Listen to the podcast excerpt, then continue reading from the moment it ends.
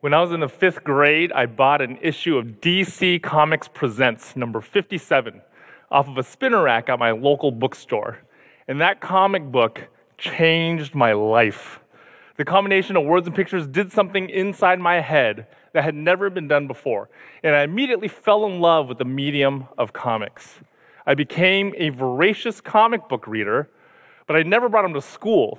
Instinctively, I knew that comic books didn't belong in the classroom. My parents definitely were not fans, and I was certain that my teachers wouldn't be either. After all, they never used them to teach. Comic books and graphic novels were never allowed during silent, sustained reading, and they were never sold at our annual book fair. Even so, I kept reading comics, and I even started making them. Eventually, I became a published cartoonist, writing and drawing comic books for a living. I also became a high school teacher. This is where I taught Bishop O'Dowd High School in Oakland, California. I taught a little bit of math and a little bit of art, but mostly computer science, and I was there for 17 years. When I was a brand new teacher, I tried bringing comic books into my classroom. I remember telling my students on the first day of every class that I was also a cartoonist. It wasn't so much that I was planning to teach them with comics, it was more that I was hoping comics would make them think that I was cool. I was wrong. Uh, this was the 90s, so comic books didn't have the cultural cachet that they do today. My students didn't think I was cool, they thought I was kind of a dork. And even worse, when stuff got hard in my class, they would use comic books as a way of distracting me. They would raise their hands and ask me questions like, Mr. Yang, who do you think would win in a fight, Superman or the Hulk? I very quickly realized I had to keep my teaching and my cartooning separate. It seemed like my instincts in fifth grade were correct. Comic books didn't belong in the classroom. But again, I was wrong. A few years into my teaching career, I learned firsthand the educational potential of comics. One semester, I was asked to sub for this Algebra 2 class. I was asked to long term sub it. And I said yes, but there was a problem. At the time, I was also the school's educational technologist, which meant every couple of weeks, I had to miss one or two periods of this Algebra 2 class because I was in another classroom helping another teacher with a computer related activity. For these Algebra 2 students, that was terrible. I mean, having a long term sub is bad enough, but having a sub for your sub, that's the worst. In an effort to provide some sort of consistency for my students, I began videotaping myself giving lectures. I then give these videos to my sub to play for my students. I tried to make these videos as engaging as possible. I even included these little special effects. For instance, after I finished a problem on the board, I'd clap my hands and the board would magically erase. I thought it was pretty awesome. I was pretty certain that my students would love it, but I was wrong.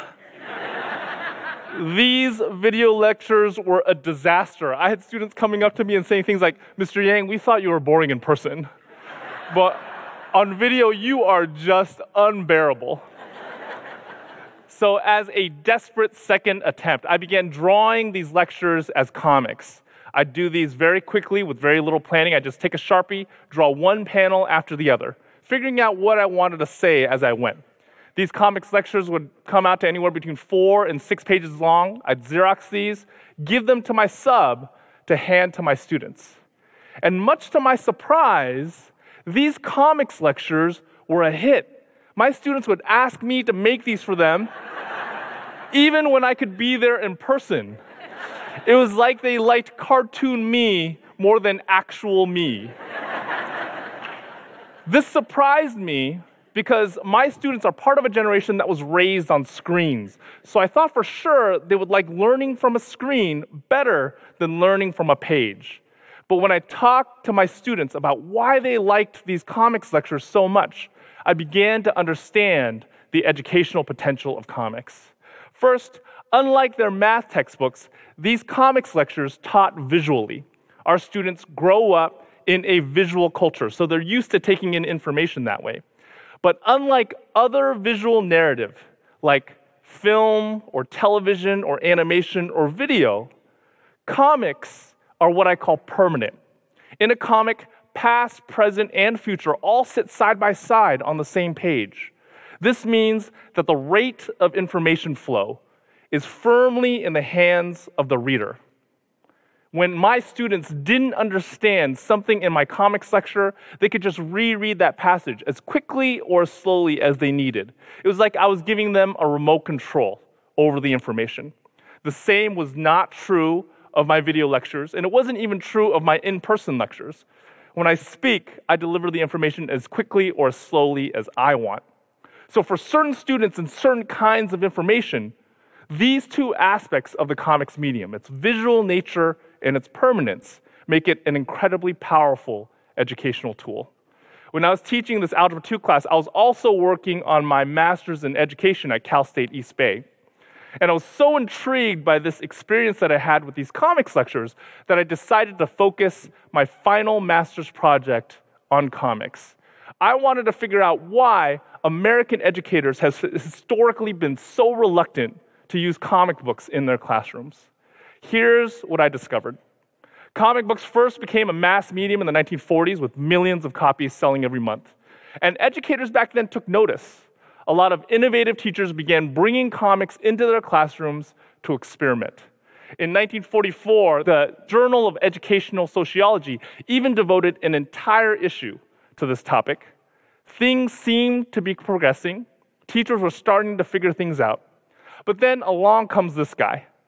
This is child psychologist Dr. Fredric Wertham. And in 1954, he wrote a book called Seduction of the Innocent, where he argues that comic books cause juvenile delinquency. he was wrong. Now, Dr. Wertham was actually a pretty decent guy. He spent most of his career working with juvenile delinquents. And in his work, he noticed that most of his clients read comic books. What Dr. Wertham failed to realize was in the 1940s and 50s, almost every kid in America read comic books.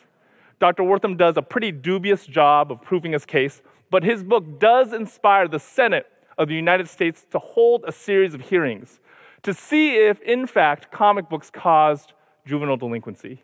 These hearings lasted for almost two months. They ended inconclusively, but not before doing tremendous damage to the reputation of comic books in the eyes of the American public. After this, respectable American educators all backed away, and they stayed away for decades. It wasn't until the 1970s that a few brave souls started making their way back in.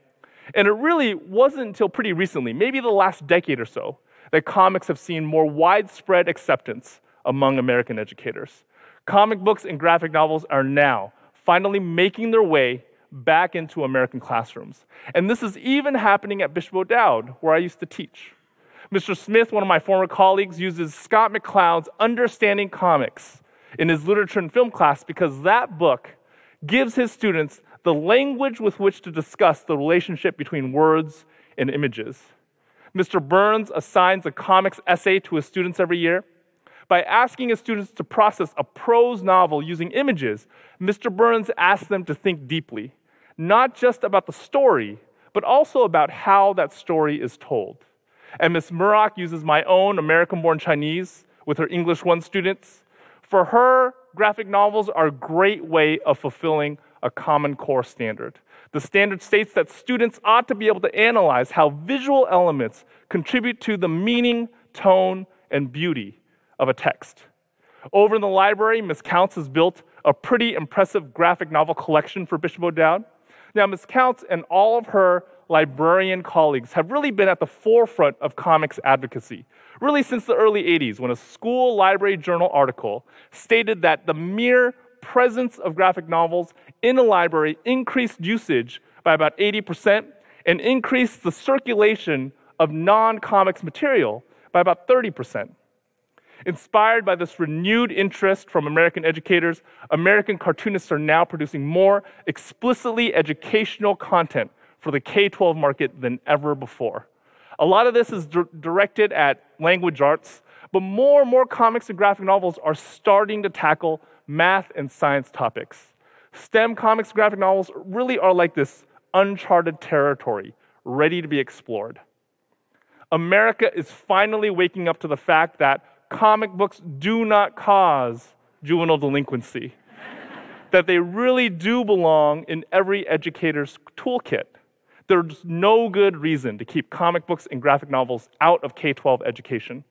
They teach visually, they give our students that remote control. The educational potential is there, just waiting to be tapped by creative people like you. Thank you.